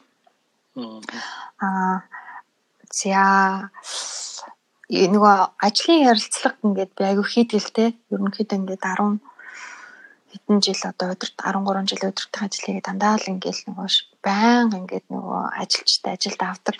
Тэгээ манай компаниас их том компани одоо олон зуун хүн одоо залуучууд маш их ажлын байраар хангадаг компани байгаа. Ийм сайхан компани байгаа. Тэгээд маш олон залуучууд ажлын ярилцлаганд ордог. Тэгээд нөгөө ажлын ярилцлаганд орохдоо нөгөө нөгөө яг ямар ажлын байран дээр орох гэж байгаа вэ гэдгийг судлаагүй ирдэг. Ямар компанид орох гэж байгаа вэ гэдгийг судлаагүй ирдэг. Тийм болохоор бид нөгөө ажилд авч чаддгүй. Тэгээ энэ одоо би энэ компанид одоо засварчийг гэж гин үү, борлуулалтыг гэж гин үү, тий одоо сэлбэг хариуцах гэж гин үү, тий одоо юу хийх гэж гин вэ гэдгээ судлаагүй уншаагүй ирдэг. Тэгэхээр тэр нь ямар ч карьерийн төлөвлөгөөгүй ажилд орох гэж ажиллаа ямар ажлын байран дээр ямар компанид орох гэж сонгохгүйгээр зүгээр одоо нөгөө бүхэл нээлттэй ажлын байрлал лөө аплайдад бүгдэн дээр нь л очиод нөгөө нэг тест бингодж байгаа юм шиг яваад ах шиг санагддгийг айгүй түгээмэл энэ. Тэгэхээр энэ дээр одоо нөгөө ажлын байр гэдэг бол айгүй чухал. Одоо хүн чи өдөрт 8 цаг дор хаж ажил дээр байна тий. Тэгэл цайны цаг. За тэгэл өглөө оройдын замын бөглөрөл 1 2 цаг гэл тэгэрч 24 цагийн бараг ажил 12 цагийг зарцуулна гэхэр ч одоо гэр бүлдээ зарцуулдгаас их хугацааг ажил зарцуулах гэж байгаа учраас зөвхөн цалингаас гадна энэ одоо ажлын байраа бас их зөв сонгож иж их зөв сонголт болдог. За тэгээ ажлын ажлаа одоо карьераа сонгоход маш олон байдаг. Хүмүүс хөвчлэн нөгөө цалин дээр өндөр цалинтай ч юм уу те эсвэл нэг том нэр хүндтэй компани найдвартай ямар ч цалингаа өгöd ахаар компани ч юм уу гэж ерөнхий маш нөгөө явцуу хардаг. Гэтэл одоо түрүүн би ярьсан тий удирдлага нь ямар хүний удирдлагын доор ажиллах гэж тэр хүн одоо туршлагатай юм уу тий? Өөрөө итгэж одоо хүндэлж удирдлагын доор нь өсөж хөгжиж чадах уу? Одоо хийдэг ажил нь ачаалттай ажил тэр ачаалттай ажлыг ачааллын даах уу? Эсвэл сонирхолтой ажил өөрийнхөө дур хүсэлтэй ажил нь нөө би чинь нөгөө олон хүнтэй ярих дуртай хүн билүү? Компьютерийн ард ганцаараа суух дуртай билүү? Гараараа юм хийх дуртай нөө миний нөгөө хувь хүний зам төлөв personality маань энэ тий? Миний хийх ажилдаа яаж таарах вэ гэдэг одоо чинь аяг нөгөө дууга дотгошоо хүн олон нийттэй харьцах ажил дээр ингээ зүгээр л уншихгүйгээр ороод за ингээд авчлаа гэж бодъё. Тэнгүү тэр хүн стресséнд ортгоо тэр олон хүнтэй харьцангууд нэг тэр хүн нөгөө дотгошоо дуугаа унж стресséнд ороод тэгээд тэр ажил төвчний өндөр цалин төвчний том компани байсан ч гэсэн тэр хүнд бол одоо урт удаан хугацааны карьерийг нь бол одоо карьерийн хөгжилт нь бол ямар ч шат ахиулж чадахгүй. За эсэргээрээ одоо ингээ нэг газар докторгүй ажилласан болж харагддаг. За тэгэхээр ер нь бол одоо ажлын карьераа сонгохдоо одоо сайн судлах хэрэгтэй. Судлана гэдэг нь тухайн байгууллагын судалгаас илүүгээр би хэн бэ? Би юу хийхийг хүсдэг вэ? Би юу чадах вэ? Надад одоо юу чухал байна вэ гэдгийгээ сайн судлаад тэгээд тухайн өөрийгөө судалсныхаа дараа орох байгаа газраа байгууллагынхаа байгууллагаа судлах хэрэгтэй. Тэгээ хоёр талаасаа миний ажил олгогч болон ажилтан хоёрын нөгөө эрэлт хэрэгцээ нийцжиж энэ бол одоо маш амжилттай урт удаан үргэлжилдэг амжилттай харилцаа бол ตก. Тэгэхээр хэрвээ одоо карьераа амжилттай төлөвлөе гэж бол одоо өөрийгөө судал дараа нь тэр одоо орж байгаа байгууллага судал илүү одоо нөгөө тухайн үед нээлттэй сургууль төгсгөд нээлттэй өөрийн дууцсан анкетыг нь явуулахаар дууцсан байгууллагатай орохосоо илүүгээр өөрийнхөө яг нөгөө хийхийг хүсэж байгаа нийцэж тохирох газараа орох хэрэгтэй байх ажлын байр. Одоо ажилд ороод хөдөө явангуу за би хүүхдтэй хөдөө явдаг ажил хийж чадахгүй юм байна. Эсвэл манай гэрээс хоол учраас бөглөрөөд хоцроод байна. Ажлын цагийн хуваар ирж болохоор хоцроод байна. Аа за одоо ингээ айгүйх нөгөө юу яд юм байна аа олон хүнтэй харьцдаг юм байна. Гадаад хэл шаарддаг юм байна ч гэдэг юм уу. Зарим хүмүүсийн өсөх боломж, олон хүнтэй харьцаж сурах боломж гэж яг зарим хүмүүс бол энийг өөрөөр харна. Тэгэхээр энийгээ сайн бодож одоо карьераа сонгоорой гэж хэлье. Аа тэгэд би бас ерөнхийд нэг гурван төвшөнд хуваах хэрэгтэй байх гэж бодож байна. Карьерийн сонголтыг ажилд орох компани сонголтоос эхэлдэг биш баха. Миний бодлоор миний туршлагаас харахад бол нөгөө нэг 15-аас 18 нас буюу одоо нэг high school те яг ахлах сургуулаас эхлээд энийг бодож эхлэх хэрэгтэй. А дараа нь хоёрдугаарт нь бол нөгөө их сургууль те нэг 18-аас 22 3 ч юм уу те их сургуульд байхдаа энийгээ бодох хэрэгтэй. За тэгээд тэрний дараа тэр 22 3-аас одоо 25 хойшоогоо тэгээд бодох хэрэгтэй байх гэж бодож байна.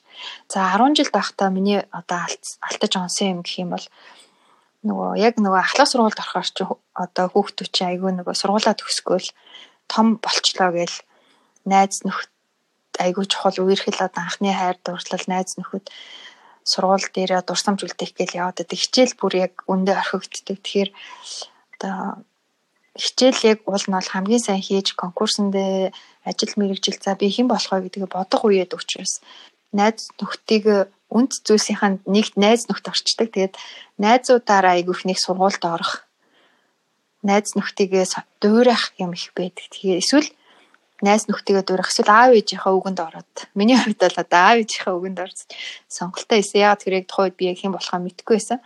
Миний хувьд одоо нөгөө бүх хичээл дээрээ жигтгэн сайн байсан болохоор яг юунд дуртайгаа би ерөөсөө мэддгүй байсан. Тэгээд яг одоо бидний хүүхд тахт 90 2000 онч одоо эдийн засаг хэцүүс учраас тиймээс курс амжаа амжаа гэж юм байдгүй хичээлээ тараал гэртээ дүүнэрээ хараал талхандаа очирлал гэртээ цаачлуулаад байждаг гэсэн учраас яг тийм үнэхээр одоо цаг үеийн ч юм байсан баг. Тэгэхээр яг өөрийгөө таньж мэдэх за цаг зав олдох юм бол найзуудтайгаа л тоглож гарч тоглохгүй л байдаг байсан болохоос шиг өөртөөгөө би хэн болох вэ гэж яг өөртөөгөө ажилдгүй өөртөө цаг гаргадаг байсан. Тэгэхээр яг 10 жилийн хүүхдүүдийг би бас нэг өөртөөгөө цаг гаргаад тэгээд нөгөө бас одоо ч нөгөө мэрэгжил сонголтын тестүүд, хувь хүний зан төлөвийн тестүүд гэдэг Монгол хэл дээр ч байдаг болсон байл. Тэр тестүүдийг бөглөөд эсвэл одоо мэрэгжлийн хүмүүстэй зөвлөх одоо хүмүүстэй ярилцаад тэгээ өөрийнхөө бас ирээдүг 10 жилээсээ төлөвлөх ёстой болов гэж бодож байна. За тэгээ их сургуульд яхаа тэгэл орчдөг. Тэгээ их сургуулийг болт өсчдөг юм бэлээ. Аа тэгэхээр их сургууль одоо бас л яг ингээс нөгөө их сургуулийн оюутан боллоо аа гээд ингээл бас нийгмийн итгэл одоо ингээл зарим нь гэр бүл өөр хөвгттэй болол нөгөө карьерийн төлгөж шал өөр 10 жилдээ төлгөөтэйсэн ч гэсэн магадгүй их сургуульд ингээд гэр бүл болоо ч юм ингээд төлгөөс өөрч цаг үеэсээс өөрчлөгдөж болно. За их сургуулийн хөвгт одоо 1 2 дахь курс бол ерөнхий хичээл ордог. 3 4 дахь курс дээр бол одоо яг тэр мэрэгжлийн хичээл сонголт тэгээ дээрэс нь тэр үйлдвэрийн дадлагтай яг дадлага хийх газ компани тэгээд нөгөө диплом бичих сэдвээ яг карьертаа уялдуулбал маш их хамгийн оновчтой болно. Яа тэгэхээр нөгөө бэлтгэл одоо яг айгу сайн хангагдана гэсэн үг. Дипломис миний хувьд одоо яг азар одоо бас яг нөгөө дипломын сэдвүүд маань бас яг энэ талаар байж таарсан. Тэгэхээр дипломын сэдв судалгаа яг дадлаг хийж байгаа компани мэрэгжлийн хичээлүүдэд бас яг сонгохгүй бол мэрэгжлийн хичээл сонгохдоо нөгөө найзуудтайгаа цагаа нийлүүлж нэг анги хичээл сонгодог. За тэгээд нөгөө дипломын ажлыг багшийнхаа зөвлөсөн сэдвээр бичдэг энтергээд нэг юм байдаг шүү дээ. Тийм. Тэгэхээр энэ дээр бас оюутан бахаас анхаарах хэрэгтэй шүү гэж одоо хэлье. Аа тэгээ одоо ч бас нөгөө мэрэгжил сурталчлах өдөрлгүүд одоо айгүй их одоо хүний нөөцийн компаниудын зөвлөх компаниудын сайхан менторинг үйлчилгээ зөвлөгөө өгдөг болсон байлээ. Иймэрхүү юмд бас бүгдээрээ оролцоосоо одоо их сургууль оюутны одоо байхасаа карьераа бас ингэж бодоосоо тэгэх юм бол цаг хугацаа гарч ийн гэсэн үг. хэн болох гээд байгаа вэ яах гээд байгаа вэ гэдэг юмаа бодоод тэр чиглэлдээ тэр одоо шатаа ингээд баг багаар даваад явах юм бол илүү одоо өөртөө ихтгэлтэй амжилтанд хүрч явна гэсэн үг. Тэгээ өөрөө юу хийж байгаа мэдэхгүй хүн ч айгүй өөртөө ихтгэлгүй бусдын амаар юм уу найз нөхдөйгээ дагаа явж байгаа хүн ч амар өөртөө ихтгэлгүй гэж үзсэн. Ажлын амжилтанд хүрэхэд айгүй удаан байт юм байна. Тийм тэгэхээр одоо бас их цаг нэтгэл үнэмшил гэдэг юм чи одоо нэг нэг одоо мотивашнл ном уншаад ч юм уу нэг мотивашнл спич сонсоод кино үзээд орчдөг юм биш. Тэгээ хүний өөрийн ихтгэл үнэмшил гэдэг юм чи цаг хугацаа шаарддаг. Тэгэхээр энийгээ судлаад ингээд явж явах явцтай хөө өөртөө аягүй ихтгэлтэй болт юм шиг санагдсан. За тэгээд ажлын ерөнхийдөө карьерийн хувьд нэг хэдийн хэлэхэд яг залуучууд бас мэдчихэл байгаа хэл та. Ер нь бол одоо эхний ажил бол аягүй чухал. Эхний ажил бол одоо нөгөө 10 жилд нөгөө нэгдүгээр ангид нэг А усыг заасан багш хэр сайн одоо суур тавьж өгсөн төдий чиний гараа сайн бол барай сайн гэдэг шиг бас эхний ажил дээр бас их одоо амжилттай сайн баг хамт олон сайн ажил дээр авах юм бол гараа зөв тавигдвал бас цаашаа айгүй зөв явдаг юм шиг надад санагддаг. Тэгэхээр бол одоо энэ бол хамгийн хүний өөрт ихтгэлгүй шүү дээ. Дөнгөж анх ажилд орох байгаа болохоор одоо шууд зөвшөөрсөн эхний газар орчихгүй ч орох гээд идэх тэр яг өөрийнхөө хүссэн газар одоо карьерийн чинь эхний одоо шат болох газрыг бас их зөв тавиул бас их зөв юм шиг амжилтанд нөлөөлдөг юм шиг санагддаг. Тийм тэгээд аа энэ дээр бол одоо нөгөө ажил хийхэд чинь нөгөө 2-оос 3 жил бол заавал нэг ажлын байр дээр тогтвортой ажиллахыг хичээх хэрэгтэй. Одоо сүүлийн үед нөгөө ажлын байрны нүүдэлчид гэдэг нэг юм нөгөө царцааны урсгал бий болсон гэдэг шүү дээ. Ажлын байран дээр 2 3 жил ерөөсө тогтохгүй байгаа. Ер нь бол одоо мэрэгжлийн хүмүүс одоо юу гэж зөвлөдөг гэхээр ямар нэгэн ажлын байран дээр 2-3 жил ажиллах нь ямар ач холбогдолтой юм бол нэг өөрийгөө хангалттай харуулах боломж гардаг. Одоо ямар ч ажлын байран дээр хүн очиод жилийн дотор амжилтанд хүрэхэд аюу хэцүү. Ажлаа мэдэж сурч, компанийнхаа соёл процессыг ойлгож, одоо бизнесээ ойлгоод, өөрийгөө харуулад, ихтгэл үнэмшлээ олж аваа сурч өгчөөд харуулах хугацаа бол одоо өндөө бол 1 жил бол богино. Тэгэхээр доор хаяж 2 За 3 жил ажиллаж ич үнэхээр ажлаа өөрийн болгоод ажлынхаа эзэн болоод өөрийгөө харуулах хугацаа гэж үздэг. Тэгэхээр залуучууд ингээд нөгөө 2-оос 3 жил ажиллахгүйгээр 2 3 сар одоо эсвэл нэг нэг жил 2 жил өгөхгүйгээр ингээд аявих ажлын байр солилцсон байдаг. Энэ нь дараа нь дараагийн ажил дээр хүн авахд одоо энэ доктор суршилгүй юм байна гэдэг. Одоо дараагийн хүссэн ажилд орж чадхааргүй болдог. Тэгэхээр нэгдүгээр 2-оос 3 жилд өөрийгөө ажил дээрээ сурч хөгжиж харуулахаас гадна энэ хүн ер нь одоо нэг юм дээрээ тас доктор суушилтаа эцсийн үзэх гэж явдаг. Тууштай зантай хүмүүн үү гэдгийг бас харуулдаг. За бас одоо ойр ойрхон ажлын байран дээр ингээд солиод явах юм бол нөгөө хүмүүстэй нийцтэй харьцаж чаддгүй, багаар ажиллаж чаддгүй юм байна. Ер нь одоо тим юм байна гэж бас харагд одоо сул тал болж харагдах бас талтай учраас энэ дээр анхаарах хэрэгтэй. Аа тэгээд аа зарим эсэргээрээ зарим залуучууд ингээд нэг ажил дээр 5 жил ажиллачаад ерөөсөө карьер нь өсөж дэвжээгөө юм сурч хөгжөөгөө байж идэг. Тэр нь яадаг вэ гэхээр ажлын ачаал багтай амархан ажил дээр өөрт нь одоо өөрийнх нь одоо потенциалаас амархан ажил дээр орцсон. Тэгээ ерөөсөө ингээд нэг ажил дээр заримдаа ингээд зэвэрчсэн байдаг. Тэгэхээр Хэрвээ одоо үнэхээр нэг ажил дээр өсөж хөгжихгүй байгаа бол 5 жилээс дээш удах хэрэггүй. Яагаад тэр хүн бол өөрийгөө харуулаад сурч хөгжөөд ажлаа өөрийн болох хугацаа бол 2-оос 3 жил гэдэг. Тэгэхээр энийг бас анзаармаар юм санагддаг.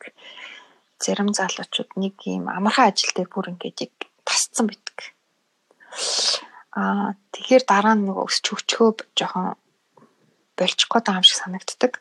Аа за тэгээ хэрвээ яг ингээд нэг үнэхээр хүссэн газраа хүссэн ажлаа хийгээд өсөж хөгжөөд байгаа бол нэг байгууллага дээр нэг ажил дээр 10 15 жил болох юм бол ер нь бол тэр байгууллагынхаа одоо салшгүй зүйл одоо байгууллагынхаа нэг хэсэг болно л гэсэн одоо тэр би бол энэ хүмүүсийн нэг юм байна гэж бодоод байгаа. Ер нь бол айгу өөрийгөө таньж мдэггүйсэн бэлээ 10 жилд байхасаа тэгээд би ер нь айгу тийм тууштай хүн байсан юм бэлээ. Мэргэжлэрээ хэцүү хэдий хэцүү хэдий замаас нь шантрах гэж үтсэн боловч яалтчгүй бакалавр магистрийн дуусгаад тийм мэрэгчлэрээ бүр ингээд нэг компанид бүр нойлоос нь эхэлж ажиллаад бий болгоод ингээд өдөө хүртэл явсандаа бол одоо би бол аа их тууштай хүн байсан юм байна. Энэ занга одоо л мэдлээ гэд боддог. Тий. За нэг иймэрхүү зөвлөгөөнүүд л одоо өгмөр байна да. Одоо олон жил гэх юм уу? За 10 жил ямарсан хүн удирдсных. Тий. За тэгвэл тууштай цаан бол үргэлж амжилтанд хүрдэг. Яагаад ер нь миний бодлоор маш олон салаа зам байдаг. Аль ч зам амжилтанд хүрэх нь зүгээр яг уу зарим зам нь хэцүү, зарим зам нь амархан. Аа за миний хувьд бол одоо нөгөө сурсаар агаад ажил дээр олцсон учраас миний хувьд бол магадгүй бас амархан одоо би бол эрсдэл багтаа замаар явсан баг. За зарим хүмүүс одоо хувийн бизнес эрхлээд те эрсдэлтэй замаар явдаг хэцүү. А гэхдээ тэр хүн одоо тэр замаараа үнэхээр тууштай яваад бас амжилтанд хүрч бол миний бодлоор энэ ямар ч замаар явсан хүн амжилтанд хүрдэг эцсийн цэг нь ижилхэн амжилтанд хүрэн зүгээр хав цаг хугацаа замдаа туулах тэр бэрхшээлээс эрсдлээс хамаардаг баг. Тэгэхээр өөрөө аюулгүй замаар явмаар байна уу? Эсвэл эрсдэл эрсдэл хүлээгээд тэ эрсдэлтэй замаар өөрийгөө сориод өөртөө ихтгэлтэй явах уу гэдэг бол бас хүний өөрийнх нь сонголт. Зөвхөн залуучуудыг хараад хахад эрсдэлтэй замаар ингээд нөгөө хурдан амжилтанд хүрэх гэж яваад тэгээд тэндээсээ замын дундаас буцаа шантраад эсвэл тэр замын дунд тэнцэнэ гацаад тэр одоо байгаа байдалтай эвлэрээ тогтчих шиг санагдтыг. За а сонсогч нар маш олон зүйлийг ойлгосон баг гэж бодож байна. А тэгээд а ерөөсөө л нөгөө комфорт зон одоо битгий хитрхи орчоорой, комфорт зоноос байн гарч агаарэ гэсэн зүйлийг бас хэлж ийн гэж ойлголоо. А тэгээд таны хувьд өдөртөх ажил хийж хийж байгаа хүний хувьд одоо манлайлагч гэдэг тэгэнгүүт жишээлбэл яг энийг юу гэж юу тодорхойлдог вэ? Манлайлагч юу таны одоо жишээлбэл яг ажилласан туршлагаар бол нэг ийм байвал ер нь их зүгээр идэв шүү. Гэвэл та юу гэж ер нь зөвлөх вэ? Энэ тал дээр анхааруулж гэдэг юм уу те? Аа. За бас энэ яг карьерийн юутай адилхан л та. Би ч одоо нөгөө яг одоо нэг дэлхий чинь нэг хартгаа болоод байгаа гэлөө. Манлайлагч. Одоо нэг тийм нэг том одоо мундаг дарга лидер гэж одоо удирдахч манлайлагчгээс илүү хүн болго өөр өөрийнхөө амьдралд эзэн болдог тий хүн болго өөр өөрийнхөө ажилд эзэн болдог. Хүн болго өөр өөрийнхөө гаргашин шийдвэрт эзэн болдог. Өөрийнхөө сонголтонд эзэн болдог буюу одоо өөрөө өөрөө манлайлагч тий би миний ажлын одоо яг энэ ажлын байран дээр би өөрөө өөрийгөө л манлайлж байгаа Тэгэхээр одоо нөгөө яг өөрийгөө манлайлаад өөрийгөө ялцсан хүн бусдыг ялж чадна. Тэгэхээр ер нь бол манлайллын ур чадвар гэж одоо хүний өөрийнх нь зохион байгуулалт, хүний өөрийнх нь одоо нөгөө зарчимч байдал, тэ хөдөлмөрч дайчин юмыг сэтгэлээсээ хийдэг. Тэ энэ одоо тууштай ингээд эцсийг үздэг. Энэ одоо манлайллын ур чадвар яг одоо одоо бусдыг бусдад нөлөөлж бусдыг манлайлах ур чадварын эхлэл юм болов уу гэж боддог. Тэгэхээр би дарга болох гэж байгаа, би удирдахч болох гэж байгаа гэсэн карьер одоо хөөж байгаа хөөхөөсөө илүү би яаж өөрөө өөрийнхөө амьдралыг удирдах вэ? Би яаж өөрөө өөрийнхөө одоо хийж байгаа ажлын эзэн болч өөрийгөө манлайлах вэ? Гэдэг дээр илүү төвлөрөөд явах зүг бах гэж боддог шүү. За а та ер нь сайн дурын ажил хийдэг үү? Өө хийлгүй яах вэ? Одоо аа миний би ер нь бол тийм бусдад зааж зөвлөж суургаж туслах гэдэг бол миний одоо амьдралын үн цөлсийн нэг хэсэг. Тэгээд би энэ удирдах ажлаа бол яг их тэгж боддог. Бусдад зааж, бусдыг одоо хүмүүст ажлын байрыг нээж, тий одоо ингээд залуучуудыг ажлаар хангаад сургаж хөгжүүлээд тий ингээд тэр хүнээрээ дамжуулаад тэр хүмүүсийн ар гэр одоо аж ахуйг дээшлүүлэхэд өөрийнхөө хувь нэмрийг оруулж ийн гэж би бодож ажиллаа хийдэг. Тэгээд ер нь бол одоо нийгмийн ажилд айгүй идэвхтэй оролцохыг хичээдэг. Ер нь одоо оролцоо бол айгүй чухал. Оролцоотой идэвхтэй байна гэдэг бол одоо бас нэг нийгмийн хариуцлага хувь хүн дээрээ ухамсарлаад нийгэмдээ бас өөрийнхөө нөлөөг одоо оруулж байгаа зөв зүйл юм болов уу гэж боддог. Тэгээд ер нь бол энэ энэ маань эргүүлээд бас надад би нийгмийн ажил хийснээр надаас нэг юм гарах гэдэг юм шиг боловч эсрэгээр надад илүү их юм өгдөг гэж хэлэх гэсэн. Тий.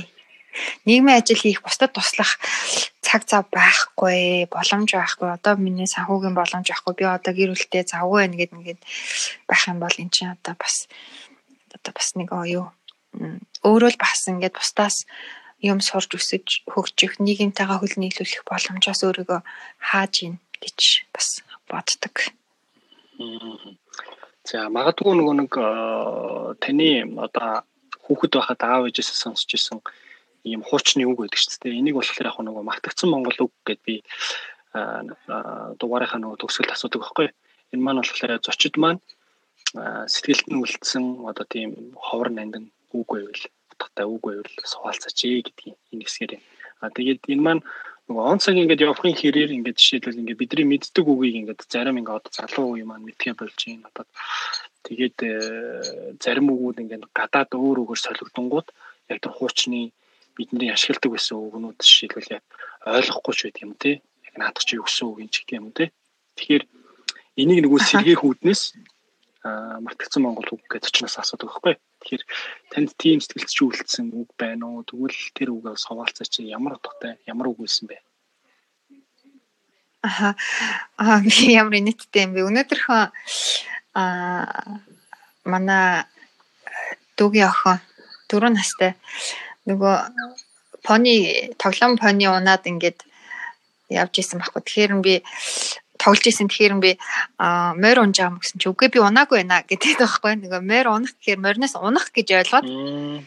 Одоо яг одоо сүүлийн үеийн хүүхдэд одоо морь унах гэдэг үг бас одоо яг тэр бол бага насны хүүхэлтэй тэгээд бас энэ 7 хоногт бас манай нэг үеэл дүү маань одоо 22 3 тал ахта үеэл дүү маань найз охинтой болсон дутхгүй гэр бүл зөхөнөө гэд надтай чатаар ярьж исэн. Тэгээ би аа нутг нь аль нутгийнх вэ гэсэн чинь нутаггүй анаа гэдгсэн.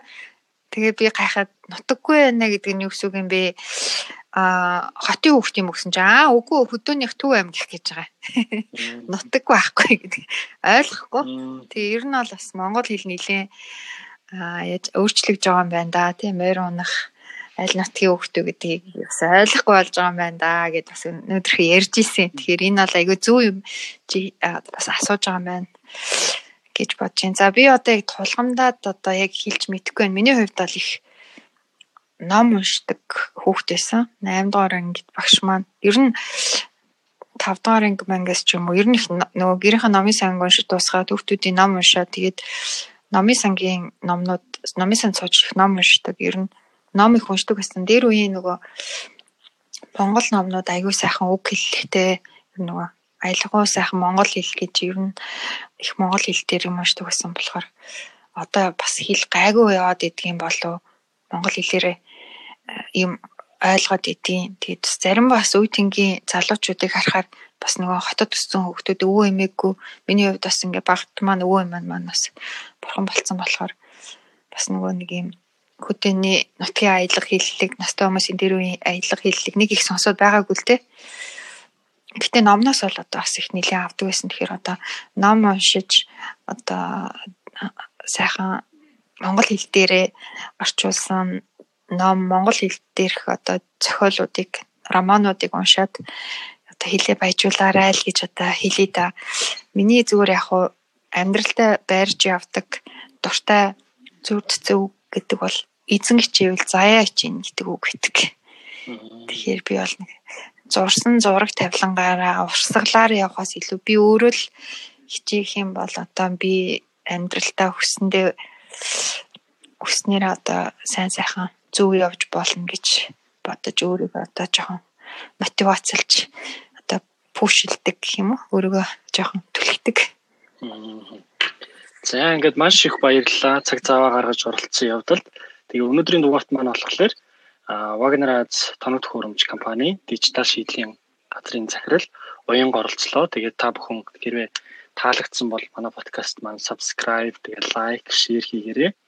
Аа тэгээд зочиндоо ажлын өндөр амжилт хүсье. Тэгээд шинэ оноо маш олон үр бүтээлтэй зүйлүүдээр одоо бас ухтаарай, маш шинэлэг зүйлүүдээр ухтаарай авч гоё урагтаараа гэж хүсэж байна. Тэгээ танд маш их баярлалаа. За баярлалаа.